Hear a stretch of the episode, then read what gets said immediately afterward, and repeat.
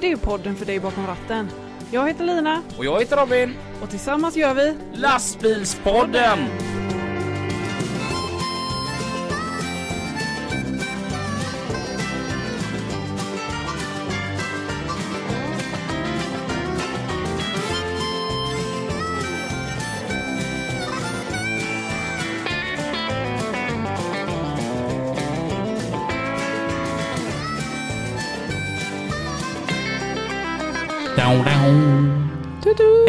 Varmt välkomna till ett nytt avsnitt idag. Lastbilspodden Tillsammans med Lina. och eh, Robin. Tjena! Hej! Lina som jobbar som säljare på Volvo Truck Center. Och Robin är en simpel lastbilschaufför.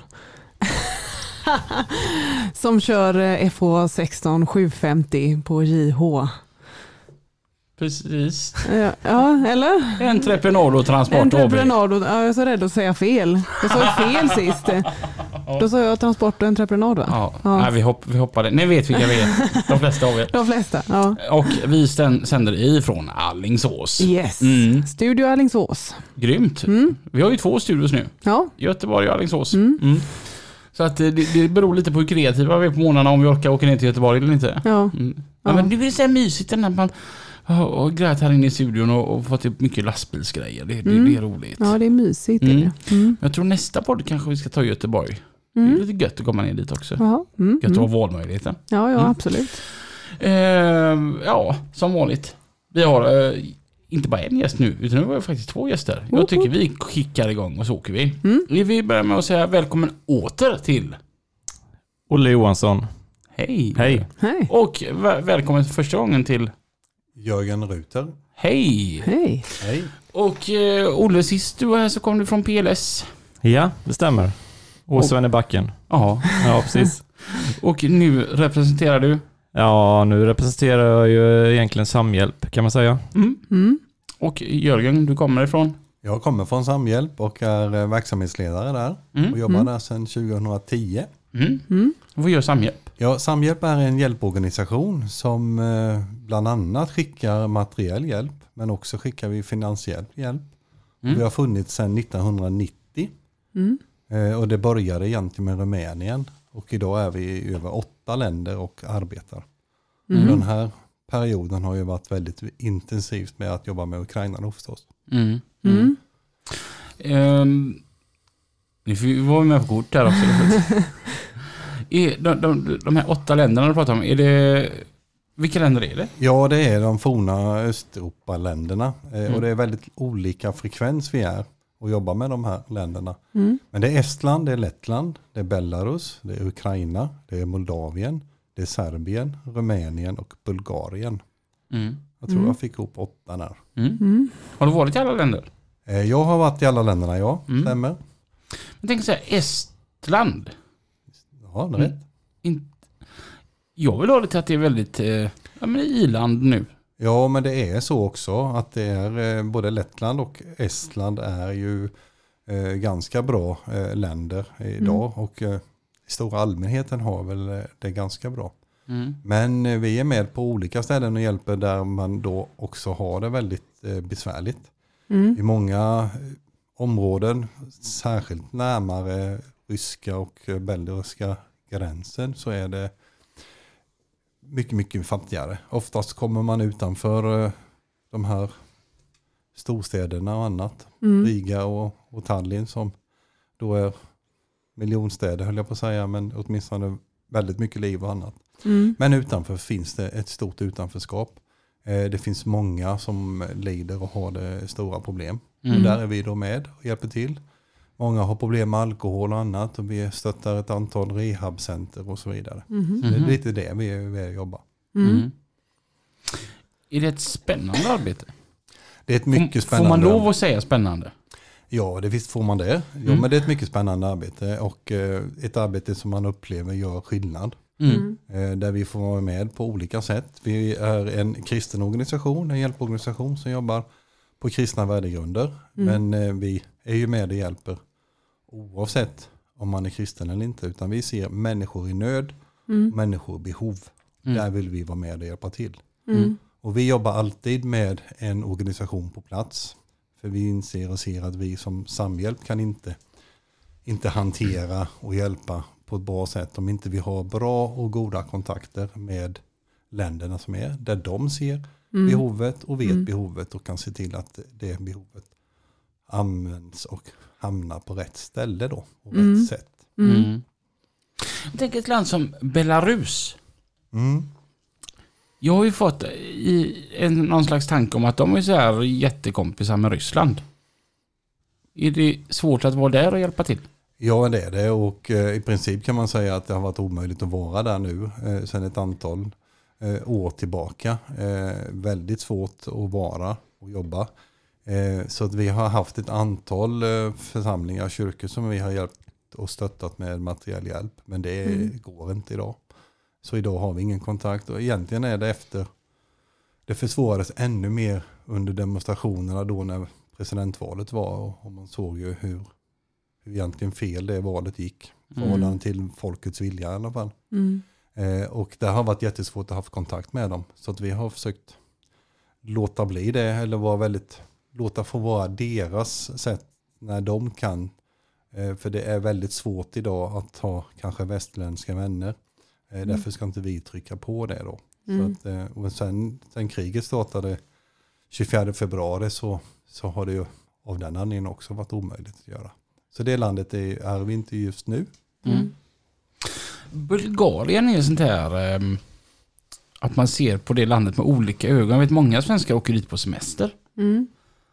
Och samtidigt så ser man ju många bulgariska lastbilschaufförer som kommer hit till, till Sverige och kör lastbil och man eh, inser ju ganska fort att eh, de sitter inte på samma ekonomiska möjligheter som vi svenska lastbilschaufförer. Hur är det landet? Det är också ett land som jag tror man kan se väldigt stora skillnader i. Eh, Mm. Och det är ju så att det finns de som har det väldigt bra. Har man ett arbete och kanske är det båda i familjen som jobbar, då har man nog det väldigt bra. Mm. Eh, Men sen finns det då många områden eh, där, där man inte alls har de här förutsättningarna. Och tyvärr i de, båda de här länderna, Rumänien och Bulgarien, så är det en enorm diskrimination vad det gäller kanske minoritetsländer eller folkgrupper i de här. Mm. I Bulgarien är det ganska mycket turkar och eh, romer som finns. Mm. Och det finns sådana områden där det är, jag har aldrig sett någon sån fattigdom och sån misär i de områdena när jag har varit där. Där då myndigheter och annat kanske inte lägger ner sin stora kraft i att vilja hjälpa till. Eh, Mm. Och då finns det ett, ett jättestort bekymmer och ett behov av att hjälpa till. Och det är Mm. på sådana platser som vi är. Mm. Moldavien är ju ett sånt här land som man aldrig hört någonting om egentligen. Ja, men då får du åka dit då. Kan du beskriva Moldavien? Ja, jag tror att många beskriver Moldavien som Europas fattigaste land. Eh, och det Mhm. kan ju vara en, eh, finns säkert fler som har den, ja, vilja ha den platsen så att säga. Men det är faktiskt så. Det är ett väldigt fattigt land eh, med små resurser eh, och har under utbrytningen eh, Sovjet då kan man väl säga eh, fick ganska mycket bekymmer förhållande till att deras produkter och annat eh, kanske inte passade rätt in i Europa. Mm. Eh, och man köpte ingenting från Ryssland längre. Vilket gjorde att det skapas en enorm ja, brist på att kunna ha bra försäljningsområden. Så där, där är det, ja, ska jag säga, alltså nästintill eh, tillbaka till vårt 30-40-tal nästan emellanåt när man kan vara ute i landsbygden och annat. se Infrastruktur är jättedålig. Man delar på vattenbrunnen eh, på gatan och så vidare. Eh, Men sen finns också en fantastisk tilltro till landets eh, resurser och möjligheter och eh, inte direkt fattiga på det sättet eh, av att man är hungrig eller har de bekymren. Utan det är så att, att ekonomin inte finns. Man kan inte byta mina varor. Jag har svårt att få ett jobb. Vilket Mm. betyder att jag har svårt att kanske skaffa det som jag inte kan göra från min, min egen täppa så att säga. Mm. Mm. Vad det gäller el och, och värme och de här bitarna. Mm. Jag tänker så har vi ju det här aktuella Ukraina då. Jag tänker så här. Ukraina innan kriget. Så var ni också verksamma i Ukraina? Ja det har vi. Vi var verksamma sedan eh, slutet på 90-talet och eh, den kontakten vi har idag som vi fortsätter att ha sen kriget startade har vi haft kontakt med sedan 2007. Mm. Mm. För så tänker jag så här. Ukraina idag är ett demokratiskt land. Eh, och de har ju blivit godkända för att få gå med i EU. Hur sticker Ukraina ut någonting från de övriga eh, öststatsländerna? Jag tänker att har man kommit långt fram i eh, industrialismen, alltså att, att börja räkna sig som ett lite mer rikare land? Jag vet inte om jag är rätt man att svara på den frågan heller för den delen. Eh, men alla de här länderna som vi har pratat om nu har ju haft ett jättestort problem vad det gäller korruption. Eh, Och ta hand om de resurserna som vill. Och se till att det fördelas på ett rätt och bra sätt. Mm. Eh, Det problemet har eh, Ukraina varit nummer ett i klassen om man säger de här euro- europeiska länderna. Och det är ett stort problem fortfarande. Och det tror jag är kanske det största bekymret som de har egentligen om de skulle komma in i, i Ukraina. Annars finns det en, en enorm vilja, enorm, och det har, har vi verkligen sett nu under, under kriget, att vilja vara ett demokratiskt land, vilja välja vår väg att gå. Eh, och det har ju då stött bekymmer på, så att säga. Mm. Eh, så att det finns en fantastisk go i Ukraina eh, och en fantastisk vilja. Och jag tror att de har en enorm vilja av att verkligen vilja närma sig väst nu. Mm. Jag tror att det finns, när det här kanske på något vis har, har lugnat ner sig, så tror jag de har stora och goda förutsättningar för att bli ett bra eh, EU-land. Mm. Mm. Tror jag. Jag tänker på, som till exempel Polen är ju sån här land som verkligen har visat eh, på, får man lov att säga anpassning? Alltså, nej men alltså så här, jag vet första gången jag skulle till Krakow och man tänker nej shit nu ska man till Polen. Jag, jag tänker så här åsna och vagn bakom så här. Alltså. Ja men det var verkligen så här min tanke av Polen. Och så kommer man lite bara vad fint är det. Ja. Ja, men du har helt rätt i det. Och jag har också gjort den, eh, den reflektionen kring det. Och, och de har ju kanske gjort den resan som Ukraina behöver göra. Mm. Alltifrån för att vara ett typiskt eh, ja, kommunistiskt eh, Sovjetstat vad det gäller, Mm. eller i, i den delen. Till att ha haft jättestora problem med korruption och annat. Men de har gjort sin resa och vänt det till ett, ett ganska bra land tror jag. Mm. Eh, och det behöver både Rumänien och Bulgarien också göra. Mm. Även Tjeckien är väl ett sådant riktigt skolexempel. Mm. Jag tänker som här, är man i, jag har ju varit i Tjeckien ett antal gånger. Man märker ju ingen skillnad egentligen när man är i Tjeckien mot att vara till exempel som i Tyskland. Mm. Det, utan det känns ju väldigt, men det känns väldigt västligt Ja. i hela Tjeckien. Ja men det är riktigt. Mm. Och där prat, jag träffade en, ehm, en eh, kvinna i min ålder där när jag var i Prag eh, si- sist gång. Hon jobbade för Volvo. Mm. Och då sa hon det att ehm, folk ifrån Sverige har ju många gånger trott att det är så dåligt i Tjeckien. Men hon, men hon har ju varit mycket i Sverige också då. Mm. Och då berättade hon det för mig det att medeltjecken har ju det nästan bättre än vad medelsvensson har hemma i Sverige. Mhm. För hon sa att vi tjänar ungefär samma fast Mm. det är fortfarande lite billigare att leva i Tjeckien. Ja. Mm. Så att det är ju så här, det är ju ett skolexempel på hur man vill att det ska bli. Mm. Tänker jag. Eller? Mm. Ja det är nog rätt. Men nu då så har vi ett pågående anfallskrig mot Ukraina. Ja, ja men så är det ju. Och jag har ju väldigt många vänner i Ukraina. Jag har varit på flera bröllop och, och, och annat. Och vi har då haft ett samarbete med våra vänner i, i Ukraina. Eh, framförallt i staden Berdyshev då. Mm. Eh, och eh, när vi pratar med varandra så säger det finns ju någonting som var, det var ett Ukraina före 24 februari. Och Mm. nu är det ett Ukraina efter 24 februari. Mm. Och så är det ju verkligen. Där de på något vis har, har plockat bort all form av sånt som de har varit oense om. Eller haft egna konflikter kring och runt eh, hur saker och ting ska vara. Mm. Till att ha en enhet idag som verkligen jobbar för vår frihet och vår rätt att välja den demokratiska vä- vägen som vi vill gå. Mm.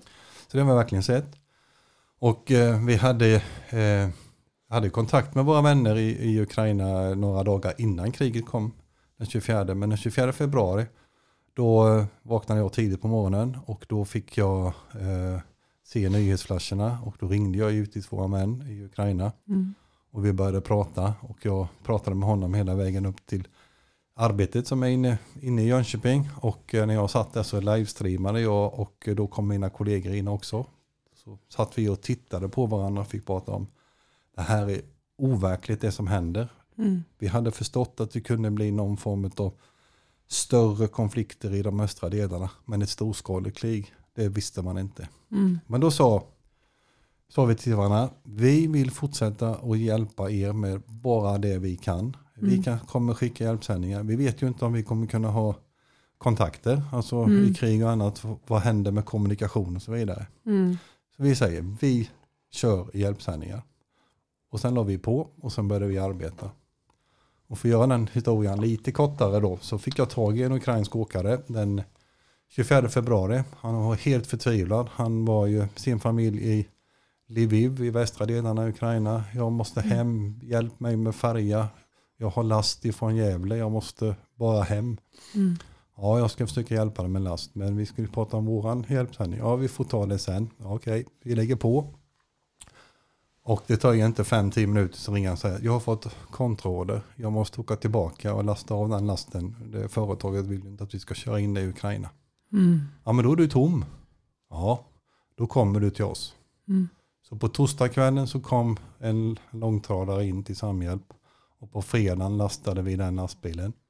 Och körde ner den med allt det som vi hade fått tag i Mm. under den här tiden. Eh, se till lasta den full med mat och kläder och annat förnödenhet som de, vi visste att de kommer behöva ha. Då. Mm. Eh, så det var första hjälpsändningen. Och idag har vi då kört 19 transporter.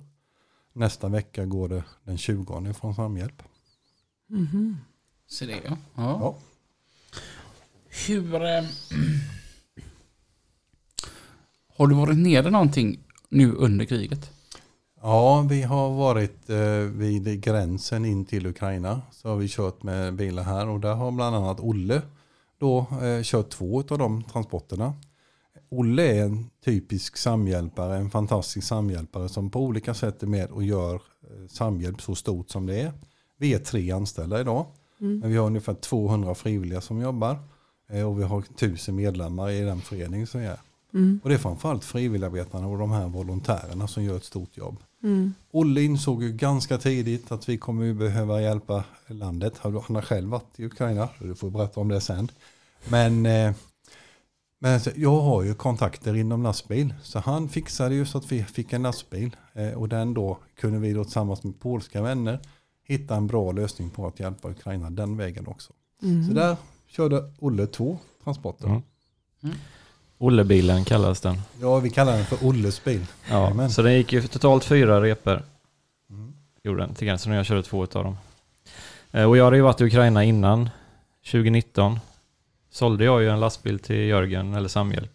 Och då kände jag att jag, jag måste ju veta behovet. Hur ska lastbilen se ut? De hade ju en lastbil innan som funkade bra, men ja. Och så jag tog med mig en kollega Jonas och så stack vi till Ukraina. Just in till ehm, ehm, Berdyshev. Berdyshev, precis. Eh, mitt i vintern med en tvåaxlig dragbil och tänkte ja men det kanske inte går men det gick jättebra. Inga problem. Bra vid däck så eh, funkar det. Koppla ur alla system så kör vi. eh, så jag, jag hade bra koll på eh, lite mer, mer koll än vad kanske de flesta andra hade just om Ukraina. Så som sagt var när det här uppdagade sig att jag tror att det kanske behövs hjälp så drog jag lite trådar och fick fram en, en, en dragbil som bara stod och väntade. Det var lite dråpligt för det var ett inbytesbil eh, från Nattviks eh, som eh, från en körskol, körskola. Så det var en körskolebil som bara gått 8000 mil. Mm. En eh, 09 tror jag det var. Eh, så den hade ju några år på nacken men inga mil i sig. Plus att den då hade ju ett säte eller en soffa bakom sig som man kunde ta med sig flera. Mm. Eh, Så det var också helt perfekt. Ehm, Så vi fick ju till eh, den bilen och vi fick till eh, flera företag som sponsrade alla de här resorna ner. Och jag har inga datum i huvudet men vi drog ganska snabbt med den första. Mm. Det, Den, den resan som vi gjorde tillsammans, du och jag, så då var vi vid gränsen den 23 mars och då hade Ja. vi ju kört den andra. ja, det var två, veckor, innan. innan, Ja, visst det. Så Mm. två veckor så stack vi med den. Ja, precis. Eh, och eh, när jag kom hem från den första resan så var det ungefär som när man kom hem från utlandsmission. Man kände, nej men jag, jag var inte färdig riktigt med det här. Jag, jag måste åka igen. Så Mm. det var ju bara åka hem och fråga frugan, du eh, kan jag sticka igen? Ja, ja, kör bara. Så det, då, då ringde jag till, till Jörgen och sa, nej men jag tar nästa resa också. Och, och då blev Jörgen sugen också, för du vill ju komma ner och se, nej men det var också eh, nyttigt för dig att, att komma ner och träffa de Mm. kontakterna i Polen. Ja men så är det ju. Vi, ehm, för att kunna göra den här resan i Polen då, eller rättare, rättare sagt, vi jobbar alltid på det sättet att vi vill ha en kontakt där vi kan jobba igenom och veta hur det ska vara. Och vi såg ju att vi behövde kanske utöka den här kontakten via in, med hjälp in i Ukraina. Och vi såg också att Polen kommer bli ett stort land där man har eh, flyktingar som kommer. Vi Mm. kanske behöver hjälp där. Mm. Och vi hade egentligen inga kontakter kvar eh, i Polen då.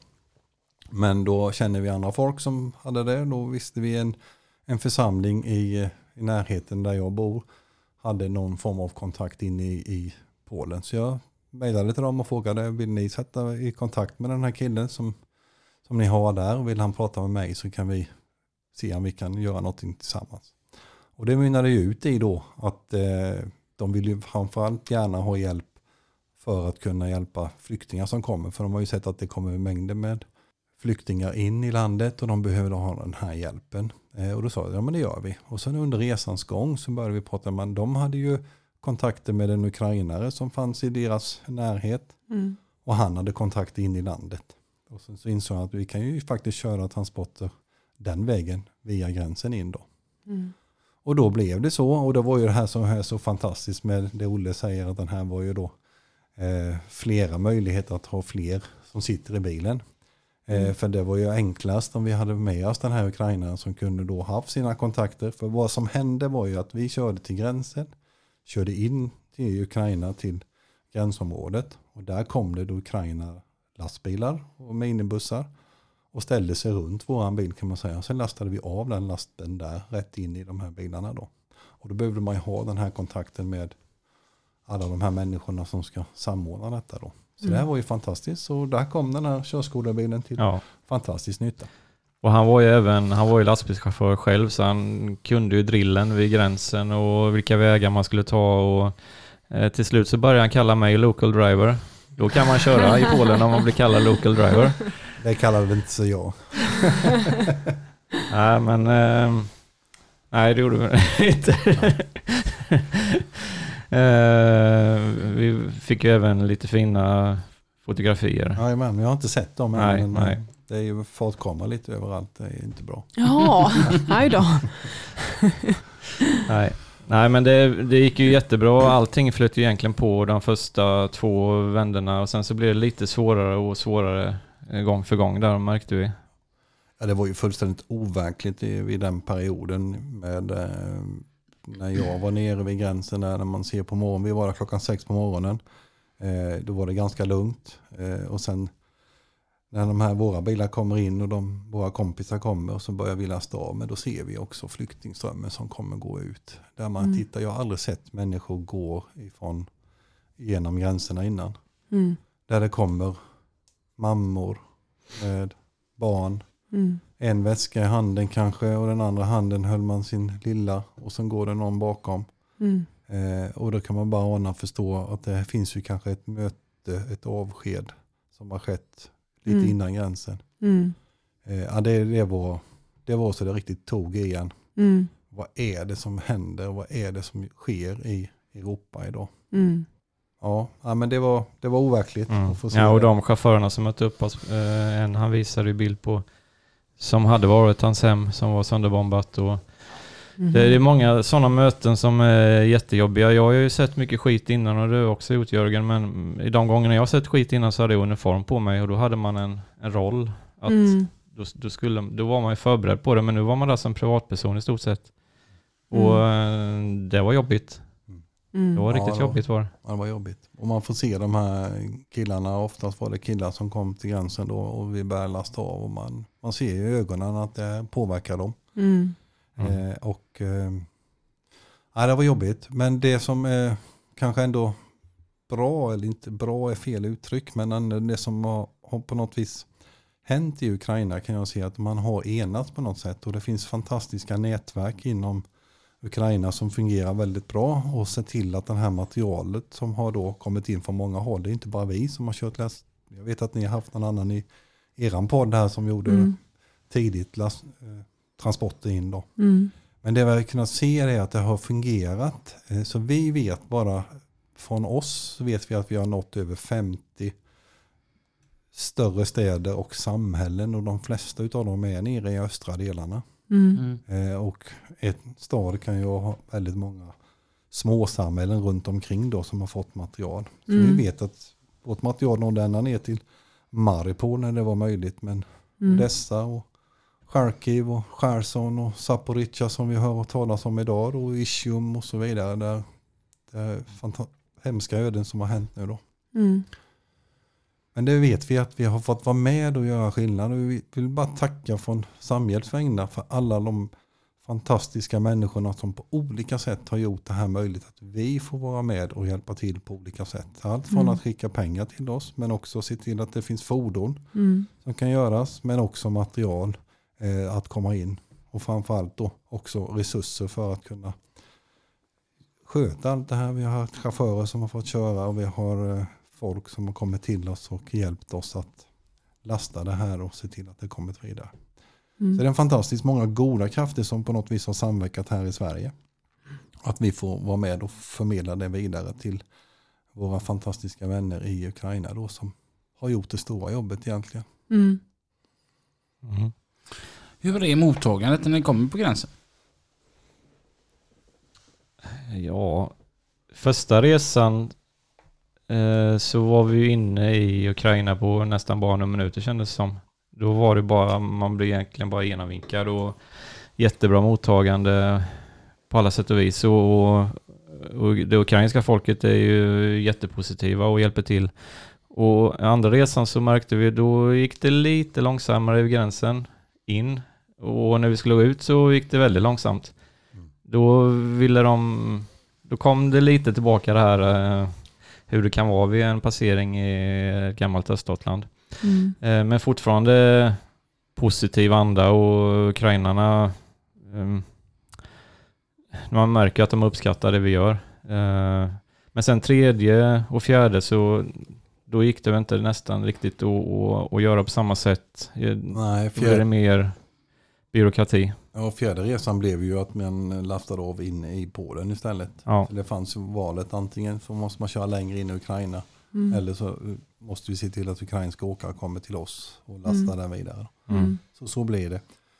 Eh, det var alldeles för många som eh, ville på hjälpa till på olika sätt. Och jag, tyvärr tror jag också att det var en del som bara åkte till gränsen och sen Mm. hade man kanske ingen, ingen bra avsändare eller Mm. fortsatt mottagare rättare sagt. Eh, Mm. och så vidare. Eh, vi insåg också att vi kunde då få hjälp med ukrainska åkare. Så att vi har ju, det mesta har ju faktiskt kört via eh, ukrainska åkare som har kört direkt in i, in i, i landet. Då. Mm. Mm. Mm. Och det har också ökat eh, svårigheterna kring. Eh, det har varit, eh, framförallt är det ju kontroller som behöver göras. Jag kan ju förstå och ana att både kontroller in och kontroller ut behöver ju göras. Mm. För så att man ser till att man kör in rätt saker. Ja, Ja. precis. Mm. Nej men annars så var det jättepositivt och eh, de vi mötte såg vi direkt bara några timmar senare eller dagen efter så fick man ju direkt bilder på när de lastade av det i sin tur till eh, både civila och eh, till viss del militär som, som behövde de här grejerna som vi kom med. Så det fanns ju en jättestor positiv anda i det här hela som hände. Eh, sen fanns det ju många bilder som var jobbiga med. Vi satt ju, nu var det när du och jag var på väg ner så fick vi ett samtal, Facetime-samtal. Så, så satt en av våra kontakter på väg hem ifrån Kiev med tre styppade soldater eh, bak i skuffen i svarta Mhm. säckar. Som man bara håller upp Facetime-kameran och visar. Mm. Så då ser man ju att ja, det är ju ingen lek. Mm. Det är ju det är ett krig. Mm. Ja, nej, men så är det ju. Och det har ju våran vän eh, Jordi då. Eh, han har skrämt mig och min fru flera gånger när vi sitter i, i bil, eller hemma i soffan och så ringer han och säger att jag är på väg till Charkiv. Och det här var ju slutet på februari och början på mars när det var Mm. som värst. Mm. Då ringer borgmästaren i hans stad. Eh, mamma ringer till mig. Eh, min son är stympad i Charkiv. Vem ska begrava honom? Vem ska ta hand om honom? Det är, Mm. Jag har ingen ringa till, jag ringer till dig. Och då får ju pastorn i det här läget. Eh, ja, då tar han en, en, eller en likbil och så åker han och hämtar de här. Och det har ju visat en enorm vilja i att på olika sätt vara med och stödja. Inte bara det här med eh, att se till att kriget fungerar eller så att de resurserna fungerar men också den humanitära delen i det. Mm. Eh, vid några tillfällen så har, har ju de använt sina bussar till att eh, evakuera folk. Eh, en som har tagit mig ganska hårt det var eh, också ganska tidigt i, i mars-april. Där man eh, evakuerat multihandikappade barn ifrån det här området som de har varit. För de har insett Ukraina, vi kommer inte kunna ta hand om våra barn. Ja.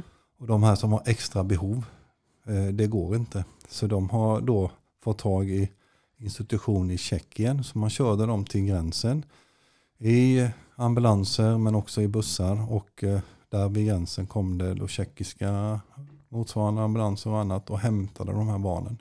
Mm. Så man har ju visat en enorm vilja att på något sätt vilja vara med eh, och hjälpa alla i det här landet. För man kommer inte klara av att göra så mycket annat än att se till att kriget och det fortgår. Men man ser till den lilla människan. Man Mm. ser till de äldre som kanske inte kan ta sig någonstans. Men kanske de här barnen då som inte har någon möjlighet att klara sig själva. Om inte det runt omkring fungerar. Mm. Så där har jag också fått vara med och hjälpa till på olika sätt att se till att de kan göra det här möjligt. Då. Mm. Och sen är det ju även det som vi började prata lite initialt där att hjälpen behövs ju inte bara just i Ukraina utan vilket oerhört arbete och vilken solidaritet man märker från Polen som har tagit emot så enormt. De får ju ta den största smällen av flyktingströmmarna som kommer och de behöver ju hjälpen för att kunna hjälpa. Mm. Får man ju aldrig glömma. Och då är det viktigt med organisationer som vet vart de ska placera ut all hjälpen. Likväl behövs det väldigt mycket hjälp här hemma i Sverige för att kunna hjälpa dem som kommer. Mm. Ja men så är det. Mm. Eh, Och jag vet ju idag också att eh, oavsett inte bara Ukraina men också Polen och, och de andra länderna vi är så, så är man ju jätteorolig på vad som komma skall. Ja. Eh, nästan alla mina kontakter jag pratar med säger Jörgen, jag är orolig för vintern. Mm. Vad kommer hända? Matpriserna ökar, eh, lönen har inte höjt sig, eh, elen kan vi inte prata om och många är ju uppvärmning i gas idag. Mm. Vi behöver hjälp. Mm. Så vi fortsätter att hitta upprop kring att bara hjälpa till. Men vi inser att vi behöver inte bara hjälpa eh, våra vänner i Ukraina utan vi behöver hjälpa på många olika platser. Mm. Och likväl vi är ju oroliga för vintern. Men Ja, Våran elpris, Mm. vad händer Ja. här och så vidare. Så vi kan Mm. bara ana och förstå att deras oro är, eh, är djup och allvarlig. Mm. Nu, jag tycker det är helt fantastiskt att man ändå har sett vad många det är som... ehm, vilken solidaritet det finns i Europa just nu. Det, ibland måste man försöka se det, det vackra i, i det fula som händer om man säger va. Mm. Mm. Att vad Europa har stått upp för varandra denna Mm, gången. menar, så, så många frivilligsoldater till exempel från England som kom, åker för att strida åt Ukraina. Mm. Eh, Danmark som skänkte ett jättestort antal med ambulanser som de ändå skulle byta ut. Mm. Då skänker man dem till Ukraina. Mm. Och eh, återigen då Polen, vilket eh, de får ju ta den värsta smällen av alla. Ja. Så att eh, hela Europa är ju helt fantastiskt på att försöka hjälpa till på det viset man kan. Ja men det är Mm. riktigt, ja, men det upplever jag med. Alltså, det finns ju mycket onda krafter som har satts, eh, satts igång här nu. Men det finns ju faktiskt väldigt många goda krafter som på olika sätt är med och, eh, och samverka här. Mm. Och det är ju allt det här som du har pratat om nu då, men också inom Sverige där jag kan se att det har ökat en viss solidaritet kring, kring att det är klart att vi ska vara med och hjälpa till. Vi Mm. ska ju försöka göra vad vi kan. Mm. Eh, och det tror jag är viktigt både från myndighetspersoner men också vi, vi privatpersoner. Att Mm. eh, vi får vara med och hjälpa till på olika sätt. Mm. Så det finns många goda krafter som är igång också. Mm. Det är ju härligt. Mm. Det var faktiskt eh, så här att man måste tänka ett par steg längre, så här som en annan inte har tänkt på. Ehm, Dennis Eliszewski hjälpte ju oss att hjälpa. Ja. Eh, Och eh, då fördelade han ut de pengarna hit i Sverige till familjer som hade tagit emot flyktingar. Mm. För att det inte skulle bli lika kännbart för dem. Ja. Mm. Just med matkostnader och detta. Ja. Smart. Ifrån. Jag själv Ja. hade inte tänkt på den tanken. Men som han sa, att vi får inte glömma de som faktiskt hjälper till här hemma. Mm. Nej, precis. Ja, men det är riktigt och så är det. Behoven är stora överallt på många olika håll. Har ni ofta kontakt med Ukraina just nu? Ja, eh, sen kriget startade så har jag nog nästan haft, eh, i början nästan daglig kontakt. Och det har varit förvånat mig lite om att man har kunnat ha så bra öppna kommunikationer. Ja. Eh, Men det har vi väldigt ofta. Nu är det inte varje dag, men minst en gång i veckan. Igår fick jag bilder ifrån eh, Juri där, här, där han skickar en video egentligen och säger att det här är vår vardag idag. Och då är det helt svart. Mm. Eh, Det är ju väldigt mycket eh, drönarattacker idag som slår ut infrastruktur. Eh, Så att i det området i västra delarna där de ändå är, är helt svart idag. Så att eh, vi har skickat dit tidigare någon elgenerator så den kommer nog väl till pass här nu. Mm. Så vi har ofta kontakt, ja. Jag tänker, kriget har pågått nu i drygt ett halvår. Eh, Hur ser man på det där nerifrån? Är, är man hoppfull att det snart ska ta slut eller? Nej, det tycker nog inte jag. Utan jag tycker snarare att det finns en enorm eh, kraft och vilja i att eh, vi ska vinna. Och vi ska ta tillbaka vårt land. I början så pratade man om att vi ska skicka ut dem. Men nu säger vi att vi ska tillbaka Krim också. Ja. Eh, så är det ju. Sen vet inte jag vad, vad verkligheten kommer att säga eller så. Men eh, jag tycker nog att de inte har, de har inte gett upp. Mm. Men det finns det säkert i, i många olika delar. Eh, Det är ju enorma umbäranden som många får, får ha idag. Mm. Eh, Vi, eh, jag fick en intervju av en av kvinnorna som hade kommit ifrån Maripol. Hon kom med sitt barnbarn och dottern hade då fått evakueras in till Ryssland istället och hamnat i de här olika filtreringslägena, avtagen sitt pass, fått ryskt pass istället och är i princip fången i det landet idag. Okej. Så det finns ju jättemånga som har eh, säkert är hopplös, hopplösa. Mm. Eh, men sen finns det de som har, man har ett enormt hopp. Vi vill på något vis, vi vill bestämma själva. Mm. Vi vill ha vårt land och vi vill bestämma vilken väg vi ska gå. Mm. Det tror jag inte har minskat i, eh, under den här tiden. Snarare har det ökat. Där man också har sett kanske välviljan till att vilja vara med och hjälpa till. Så frågan är ju hur uthålliga vi andra är. Jag tror att Ukraina kommer vara uthållig. Mm. Men hur uthålliga kommer vi vara? Ja. Jag tror det viktigaste är att det inte slutar rapporteras om det i media. Ja.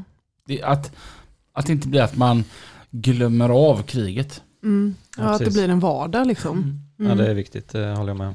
Det är jätteviktigt. Det var lite som när vi hade Carl Görning eh, som jobbade som säljare på Volvo. Ja. Eh, och han sa att han flyttade tillbaka när kriget kom. Så men det, det var ju flera år sedan. Jajamän, kriget började faktiskt 2014. Mm. Mm. Det är bara att folk glömde av det. Ja. Ja. Ja men så är det och jag vet också att innan kriget startade den 24 februari så eh, såg man ju de här eh, trupprörelserna både inne i, från Belarus men också närmare ryska gränsen till Ukraina. Ja. Eh, och då fick vi ganska många media som kom till oss och frågade hur, hur ser vi på det? Ja.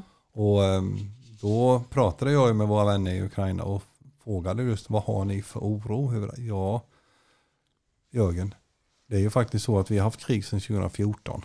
Mm.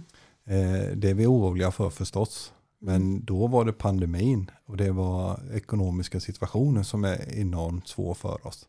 Självklart är vi oroliga över vad som kan hända och med kriget att det kan utöka. Men vi har faktiskt haft krig sedan 2014. Mm. Det har vi ju nästan lite glömt bort. Ja. Det, det såg jag när jag var där 2019 för det, då har vi ju sökt ett militärsjukhus och de hade ju stupade där. Ja. Mm. Men det, det har ju glömts bort. Ja, Mm. lite så. Och jag tycker också att man såg en viss eh, mättnad i sommar här. Eh, Mm. Vi hade här, ja, på Sambhjälp då hade vi haft ett gott upp, uppsving kring eh, hjälp och engagemang. Eh, Vi hade köpcentret i, i, i vår stad hade upplåtit eh, lo- affärslokaler där vi, folk kunde komma och samla in material och annat sånt där. Men Mm. det började ju minska ner lite. På något Ja. vis är det att men vi ska ha vår semester. Vi behöver liksom lite lugn och ro. Ja. Och så tror jag det var även i, i, i mediasvängen. Ja. Och, och det är ju så att det är väldigt viktigt att på något vis att man upprätthåller och håller uppe det här. För att det är, Mm. kriget är ju inte slut. Mm. Pratar ni med ukrainska flyktingar här i Sverige? Vi har några kontakter eh, och vi, i början av kriget så fick vi väldigt många frågor kring eh, kan ni vara med och hjälpa till. Men vi, vi insåg ganska snabbt att om vi ska kunna göra saker och ting bra så behöver vi koncentrera oss på att, att hjälpa med material in i Ukraina. Ja. Så vi har inte haft så jättemånga eh, som, har, som vi har kontakt med. Men det finns några stycken och det är en från de området som vi har som ringde. Det var en, en, en ukrainsk kvinna som bor i, i, i Tranås här sedan många år tillbaka. De var ju nere vid gränserna och då var det en som, som eh, pratade samhjälp och Jörgen eh, och så Mm. vidare. Och, eh, och då ringde de ju upp och då var det ju en från det här området som vi är med och hjälper till som Mm. var där med sin familj. Ja. Så de sa ju välkomna hit. Så det har vi då sett till att andra kan vara med och hjälpa och göra det bättre att stödja dem då. Ja. Mm. Ja. men den dagen Ukraina har vunnit så kommer ju landet behöva byggas upp igen. Så vi måste ju också ha kraft och, och hjälpa till med det och då kommer Mm. det behövas ännu mer. Och då, då kan man ju också göra ett upprop emot alla lastbilschaufförer till exempel att det kommer behövas mycket mer transporter då tror jag med just för Mm. att få in grejer till Ukraina i rent byggmaterial till exempel. Ja. Mm. Ja men det är riktigt. Vi har ju valt, dels har vi haft bra kontakter med att kunna köra in med ukrainska åkare. Då har vi Mm. insett att det här, det här är så här vi hjälper just nu. Mm. Eh, sen har vi valt att hålla det som UD avråder oss till. Att inte köra in, eh, Mm. att inte vara inne i landet och så Mm. vidare. Så där har vi då valt att göra så. Mm. Men någon gång, så precis som Olle säger, så finns det en uppbyggnad och vi har redan idag samtalat med våra vänner eh, i de här områdena. Så att vi inser ju att folk fly, flyr inom landet. Ja. Så vi är med nu och hittar boende för eh, flyktingfamiljer som har kommit ner från östra delen som på något vis vill bosätta sig och skapa någon form av ett no- normalt liv i det området där. Så Mm. här är vi redan idag med och fixar ett antal hus som eh, vi har fått finansierat så att säga. Jaha. Och vara med och försöka bygga upp. Mm. Men det kommer ju vara ett enormt återuppbyggnadsarbete. Ja. Och då måste vi också vara beredda att vara med och hjälpa till. Mm. Och vi på Samhjälp har sagt att vi vill göra det vi kan. Mm. Eh, Har vi förtroende för folk i Sverige att ser att vi kan vara med och hjälpa till så kommer vi göra det. Mm. Jag tänker det är så här, Sverige ligger nu framkant på att vara duktiga på, eh, på eh, alltså, an- anläggning. Alltså, alltså infrastruktur och att eh, bygga och grejer. Men Mm. så många företag som vi har som är svenska som finns över hela världen. Att vi är ju framkant. Ja. Att det borde ju vara subventionerat från Bryssel då att vi kan komma dit med våra svenska företag och hjälpa till att bygga upp landet. Mm. Ja det tror jag och det tror jag redan idag pratas om. Att man måste hitta, hitta bra lösningar på att göra ett återuppbyggnadsarbete. Och då måste alla länder vara med och hjälpa till på olika sätt. Och då ska man utnyttja det vi är bra på. Ja. Jag menar, det här har varit görhäftigt. Jag menar, häftigt, men ni får höra vad, vilka ord jag använder. Men tänk liksom ett stort Skanska-bygge eller NCC eller Peab eller vilka det nu må, må vara då. Va? Och så bara Mm. komma ner liksom så här 100 lastbilar, 100 hjullastare, 100 grävmaskiner. Alla Mm. svenska liksom. Och så Mm. bara... Mm. Det kan inte vara en omöjlighet. Tänker jag. Absolut Nej. inte. Nej. Man kan behöva en lastväxlare med då. Då ska jag ner och rangera, det lovar jag. Ja. Vilken, häft...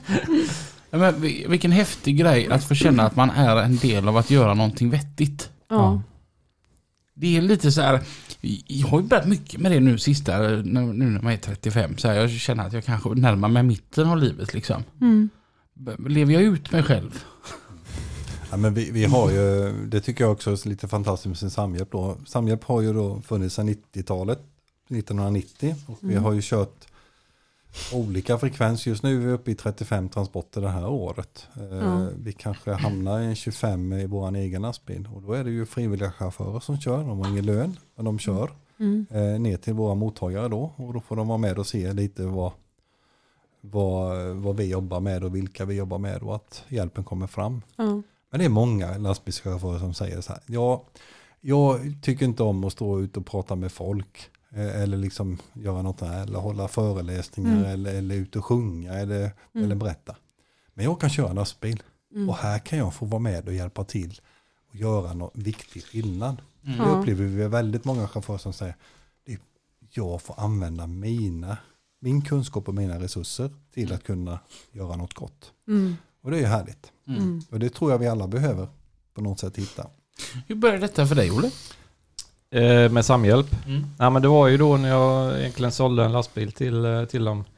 Det var då det började. Sen har jag ju varit i liknande situationer eh, innan när man har gjort utlandstjänst och den biten. Men sen är det ju, om man ska titta till det här roliga biten av det, det är ju faktiskt rätt kul, eller väldigt kul att, att sticka ner med lastbil och se lite nytt. Och jag ju, kan ju backa med bil och släp i sömnen, men backa med en trailer då är man helt nybörjare för då vrider man åt ratten helt fel hela tiden. Och Mm. det fick vi se när vi skulle backa av färjan. Eller bara eh, åka hiss där nere. Och den här polska eh, båtsmannen eh, stod och gallskrek åt mig på polska var jag skulle någonstans. Jag ville ju bara att han skulle peka var jag skulle. Så skulle jag ställt mig där men eh, ja. Jörgen bara satt bredvid och asgarvade och jag Ja. garvade med. Då var Olle lite svettig faktiskt. Ja, då var jag faktiskt svettig. Eh, när man skulle backa på hissen eh, och sen backa av färjan. Det var, det var spännande. Men man ska ju alltid eh, göra något varje dag som eh, utmanar en. Mm. Så det tycker jag vi gjorde då. Det satt jag och tänkte på, lite sidospår med lagen om all jävlighet. Förra veckan så var jag på, på ett vägbygge och så skulle jag vända där. Och så står de fyra pers och tittar på. Ja, det gick ju sådär då. Ja. Och så kommer nästa då var de och fika. Mm. Då bara så här, pjo, som ingenting du vet. Alltså, Ja. Som jag aldrig hade gjort någonting alls. Så stod jag bara helt spikrak när jag var färdig. Och jag bara kände, vad fan är ni nu då? Ja, precis. Så är det ju alltid. Nej men det, det var kul och det var, det var jättekul då när vi åkte ner och hade med oss uh, Igor som han heter, den ukrainska chauffören. Han, han var ju slipad och han, var ju, han är ju lastbilschaufför så han eh, Första rundan så var man ju ingen local driver men andra rundan då, blev, då kunde man ligga och hålla takt med de här nattliga Mm. dragbilarna som får fram i 90 på de små vägarna. Mm. Ja, det är obegripligt men det går. Mm. Mm. Ja. Det med att alla hjälper till på sitt sätt. Eh, Veckans fika, den är faktiskt sponsrad av min mamma Susanne. Åh. Från Kulturcaféet i Grästorp. Mm. Mm. Supergott. Mm. mycket gott. Och Gurgoa blåbärsmuffins idag. Mm. Mm. Mm. Tack mamma. Ja, tack så jättemycket. Hur ser ert arbete ut framåt nu då? Eh, jobbar ju hårt med att eh, hjälpa till på, på materiella delen. Imorgon lastar vi en lastbil som ska gå till Rumänien. Eh, och då är det en sju, åtta gubbar som kommer så handlastar vi en lastbil. Och det är den, vår egen lastbil då som bland annat Olle var med tidigare att köpa in då. Mm. Eh, och eh, på torsdag lastar vi en lastbil till eh, Ukraina. Mm. eh, som ska gå rätt in. Så det är en ukrainsk åkare som kommer. Och då har Mm. vi köpt in ganska mycket mat, bulkmat, som vi, konserver och annat som vi kommer då köra ner. Mm. Eh, vi har eh, någonting på Samhjälp här som vi har påbörjat nu. Det är att vi eh, till hösten, så till, in till jul egentligen, så köper vi, eller då skickar vi iväg över 4 000 matpaket som vi ger till en fattig familj i Östeuropa. Mhm. Eh, och det projektet är vi inne i ganska mycket nu. Eh, då har vi köpt in då mat, vi har fått väldigt mycket mat. Eh, och sen nu då så idag, eller imorgon nu så börjar första packningen utav det då. Mm. Och då packar vi matpaket och man kan köpa ett sånt litet gåvobevis för 250 kronor. Mm. Där man säger att innehavaren här har varit med att se till att en, en familj i Östeuropa har fått, eh, fått ett paket till jul. Mm. Och det gör vi härifrån skickar vi ungefär 4000. Men vi gör 750 matpaket i Moldavien. Där de, våra moldaviska kontakter gör det. Mm. Och vi kommer göra 800 paket inne i Ukraina. Så de kommer vi skicka pengar till. Mhm. Vi kommer sälja, försöka sälja över 5000 matpaket här nu då. Mm. Ja. Och då är det att man gör och ger skillnad till en fattig familj i Östeuropa. Mm. Eh, lagom till jul. Mm. Du nämnde Rumänien här nu. Har det varit ett problem här nu att så mycket fokus läggs på Ukraina så att man inom situationstecken glömmer bort de andra länderna?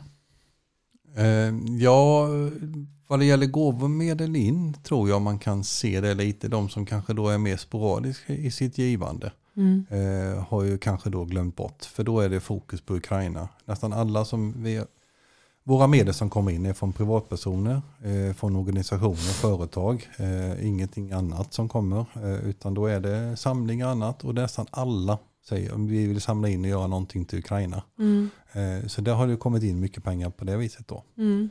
Men annars så tycker jag inte att man har kunnat se det. Eh, att vi på Samhjälp, vi har försökt låta bli att glömma bort de andra. Mm. Vi gjorde det i, i början, så eh, mejlade jag till våra kontakter sa att vi avslutar just nu våra transporter, Mm. men vi fortsätter skicka all finansiell hjälp som ni har fått av oss. Mm. Men just nu vill vi koncentrera oss på att se till att material kommer in till Ukraina. Och sen efter sommaren här så in, en bit innan så började vi ju köra eh, transporterna regelbundet igen då till Mm. de andra länderna också. Jag tror att fokus har varit ganska stort mot Ukraina så att man har kanske tappat bort det lite. Mm. Mm. Lite så. Och jag tänker andra närliggande länder till Ukraina som också fått ta emot mycket flyktingar som kanske inte har det lätt från början. Får Mm. det ännu tuffare för att de får mycket flyktingar från Ukraina? Ja men så är det ju. Och, men där har vi också varit med. Vi har också skickat finansiell hjälp till eh, Moldavien, till Rumänien och till Polen. Mm. för att kunna hjälpa till i flyktingdelarna då. Så vi har ju Mm. använt de medlen som vi har haft till att kunna göra det. Och Mm. vi har ju då skickat hjälpsändningar specifikt till Polen för att hjälpa till med flyktingar och flyktingmottagningar. Men Mm. också in i Rumänien på det sättet då. Mm. Så det har vi försökt hjälpa till och skapa upp möjligheter för dem att kunna hjälpa det här också då. Det är ju ett mycket viktigt arbete. Hur gör man om man vill vara med och skänka och, och eller hjäl- hjälpa till och bidra? Och... Ja, man kan titta på vår hemsida, eh, samhjälp.se. Mm. Eh, samhjälp, inga bindestreck, ingenting. S-A-M, hjälp, hjälp då, .se. Eh, Mm. Där finns det på hemsidan möjligheter att hur man kan vara med och starta en insamling. Eh, kanske köpa ett mat och hygienpaket eh, eller någonting annat. Vi har en gåvoshop där man kan gå in och titta och så kan man om man ska gå bort och göra en uppvaktning eller sådär så kan Mm. man då köpa en någonting utav oss. Typ en ved, ved för en familj, en månad eller och så vidare. Mm. Ett skolprojekt som vi jobbar med, att ett barn kan gå till skolan och få extra hjälp i skolan. Eh, hemtjänstprojekt och så vidare som vi är med och jobbar och Mm. hjälper till med. Så där kan man titta på vår hemsida och göra. Mm. Det går swisha och det går ju sätta in bankgiro. Jag vet inte om ni kan lägga upp något på er poddhemsida sen så får ni hänvisning till Samhjälp så får ni gärna göra det. Mm. Det gör vi absolut. Mm, absolut.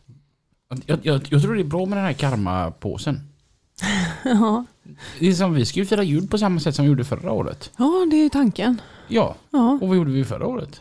Ja, då var vi ju eh, och lämnade julklappar till eh, eh, Johanneskyrkan hette det va? Sankt Johanneskyrkan Sankt Johanneskyrkan. Mm. i här i Göteborg. Mm. Så att vi tog alla våra julklappspengar och så eh, köpte vi presenter till eh, de hemlösa i Göteborg. Mm. Jag tänkte de behöver julklappar. Fantastiskt. Jättebra. Mm. Så att eh, tanken är att vi gör precis samma i år igen. Mm. Jag tyckte det gav mig så mycket. Det att, där fick man med den här känslan av att sprida glädje över jul. Ja, och slippa julstress. Det var fantastiskt skönt. Vi, vi tog in på hotell då i Göteborg. Mm. behövde inte fixa någon julmat eller någonting. Det var faktiskt riktigt skönt. Mm. Eh, utan vi jag ska se vad fasiken var det Jag tror jag åt köttbullar. Satt ju och käkade på tullen där på kvällen. Eh, Ja, vad åt vi? Jag åt väl typ, Ja, vad det, åt jag också köttbullar? Ja, Ja. kanske jag Ja, gjorde. men- Ja, någonstans, det kändes så bra. Just den eh, värmen som fanns där inne i den kyrkan. ja. Av människor som blev glada för så lite. Mm. Men har ni själva fått möjlighet att köra någon hjälpsändning eller liknande? Eh, Jag och min kollega Robin Svan, vi, eh, vi ville ju det. Ja, Men det var ingen av org- organisationerna som ville ha vår hjälp. okej. Och det tyckte jag var väldigt prekärt. Mm. Frågar du oss? Ja, ni var de första vi hörde Ja. av oss till. Ja. Och eh, för eh, den 24 där då så... Första jag ringde var Robin. Och vi satt och pratade typ en timme och sa egentligen ingenting. Alltså det... Har du sett nyheterna? Ja. Och sen var vi, alltså vi var ty mest tysta när vi satt under det där telefonsamtalet. Eh, för att det, det var så overkligt att det var krig så nära vårt närområde. Mm. Ehm, och sen lördag morgon så får jag ett sms av Robin där det står vaken frågetecken och jag svarar ja och då ringer han och säger att Robin jag klarar inte av att bara sitta här. Ska vi åka till Ukraina du och jag? Ja säger jag, det, det gör vi. Eh, Alltså jag har ju en dragbil, kan du lösa en trailer? Och kan vi, eh, kan vi lösa någon att göra det åt? Och ni var de första vi ringde. Men ni vill inte ha vår hjälp för att ni hade andra samarbetsåkerier fick vi till svar. Ja, det kanske var så. Jag vet att vi fick väldigt många svar och frågor. Eh, och vi insåg att vi kommer inte kunna ta hand om alla eh, som, eh, som vill vara med och hjälpa oss på olika sätt. Mm. Och då var vi kanske inne i en sån period där du hade fått några andra som, som var med då. Mm. Eh, sen så insåg vi ju svårigheten just att kunna, eh, hur gör vi för att ta det vidare in i, i Ukraina då. Mm. Eh, och i det läget kanske vi inte hade kontakten i Polen. Jag vet inte Mm. riktigt när ni var när ni ringde oss. Vi ska se, kriget kom väl på en torsdag eller en fredag? Torsdagen den 24. Torsdag. Mm. Och måndag morgon äh, ringde jag direkt. Och eh, fick egentligen bara det här svaret var att, eh, att ni hade andra som ni, ni samarbetade med. Och så fick vi det här svaret ifrån ett par andra organisationer också. Och i det läget så hamnade jag och Robin henne att fan, vi har, för vi, Robin som autofrakt han hade lastbil och Volvo lastvagnar ställde upp en trailer. Och vi kände oss så jävla maktlösa. Att här, här, här sitter ju vi två, två stycken, bägge två kan köra. Och eh, vi har en bil, vi har en trailer, men ingen vill ha vår hjälp. Mm. Och eh, helt plötsligt då känner man sig lite... Det blir väldigt tomt. Mm. Mm. Ja men det förstår jag ju och det kan ju vara så. Eh, sen vet jag ju att under den perioden där så jag vet inte, våran telefon ringde nog varannan minut eh, och så vidare. Så att det, det var ju så. Mm. Eh, och det är ju bara tråkigt att man inte kan vara med och, och se till att alla, alla som vill verkligen kan vara med och hjälpa till då. Mm. Men så är det väl också i en, i en organisation som våran, att det är, vi är ju inte så många och eh, av den anledningen så blir det ju så att man inte kan ta emot egentligen all den enorma resurserna som man fick sig möjlighet att få använda då. Mm. Mm. Så det är bara beklagligt. Eh, och sen då så, så var ju Allen Stefanac och Denis Eliszewski nere eh, ett par vänder och det var ju efteråt då som den, jag pratade med Dennis och han sa det att de får så mycket hjälp nu ner dit. Mm. Han sa nu måste vi börja hjälpa folk både i Polen och hemma i Sverige. Det var han som fick mig lite öppna ögonen för det att hjälpen behövs ju hela vägen. Ja. Mm. Eh, och, och det, väldigt smart för en annan såg ju bara Ukraina. Ja. Men att vi måste ju ha hela... Alltså fan vi har ju svenska familjer som får dubblade matkostnader här nu sen. Vi Mm. måste ju hjälpa de svenska familjerna som faktiskt öppnar dörren till sitt hem. Mm. Eh, så då kunde man ju lägga kraft där istället. Mm. Så att eh, man får inte glömma att eh, hjälpen behövs överallt. Mm. Och som i mitt och ditt fall, även till de som inte har något hem här i Göteborg. Mm. Som vi värnar om Mm. väldigt. Det ligger oss väldigt nära hjärtat. Mm. Så att, eh, ja där är vi. Mm. Mm. Ja, men det är bra. Men ehm, Men det kan ju finnas anledning att ha den kontakten längre fram. absolut. Mm. Jag, jag tror ändå att, att sådana saker gör gott att, för, en, för en själv. Mm. Att man ändå känner att man att man var med och faktiskt gjorde något vettigt. Mm. För jag kan säga ibland, ni frågar nu, jag är ju en grubblare. Mm. Jag, jag, jag är en sån här, jag brukar kalla, kalla mig psykfall som sitter i lastbilen och inte har någon, någon stereo på. jag kan sitta för jag är fullt upptagen med mina egna tankar och vill inte att stereon stör mig. Ja. Eh, och, och så här, ofta ifrågasätter jag mig själv. Eh, Var det det här jag drömde om? Den här? Eller vad? N- när, när jag dör då och så står man där framför Sankte Per och han frågar Jaha, vad gjorde du under ditt liv då? Mm. Så vill man ju på något sätt säga att ja, men fan, jag gjorde mycket dumt den här men jag gjorde några bra grejer också. Mm. Ja, ja. Men all, allt som händer brukar ha någon mening på något Mm. sätt. Mm.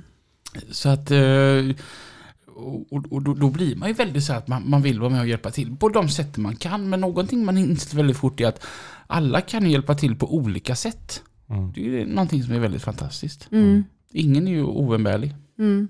Och eh, ni har ju en jobbig period här nu då framför er egentligen här med vintern och Mm. du var inne på det lite förut här nu men vad är det ni söker i första hand om folk vill skänka?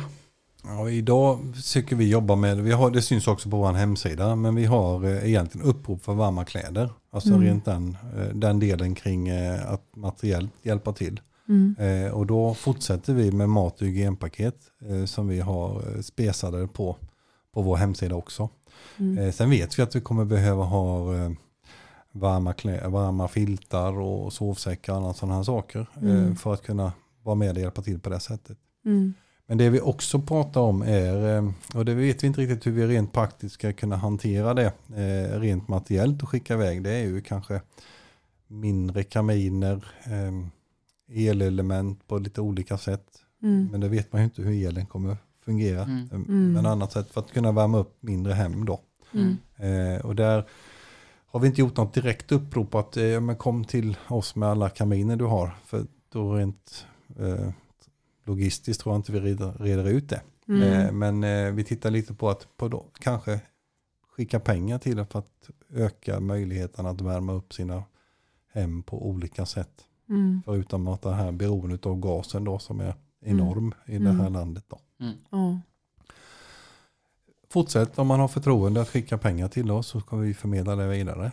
Som jag nämnde så, så kommer vi ju jobba med att bygga hus då. Eh, Mm. I områden där vi upplever att vi kan, kan göra det. Mm. Vi har varit med och eh, skapat eh, för, förutsättningar för att sätta upp luftvärmepumpar och lite annat sådana här saker. Eh, Mm. För att då också bidra till eh, en bättre uppvärmning på ett annat sätt. Då. Mm. Grymt jobb. ja, verkligen. Vi, vi försöker göra vad vi kan. Så. Mm. Och ändå gott att lastbilarna får vara med och... Och bidra. Mm. Ja, Ja.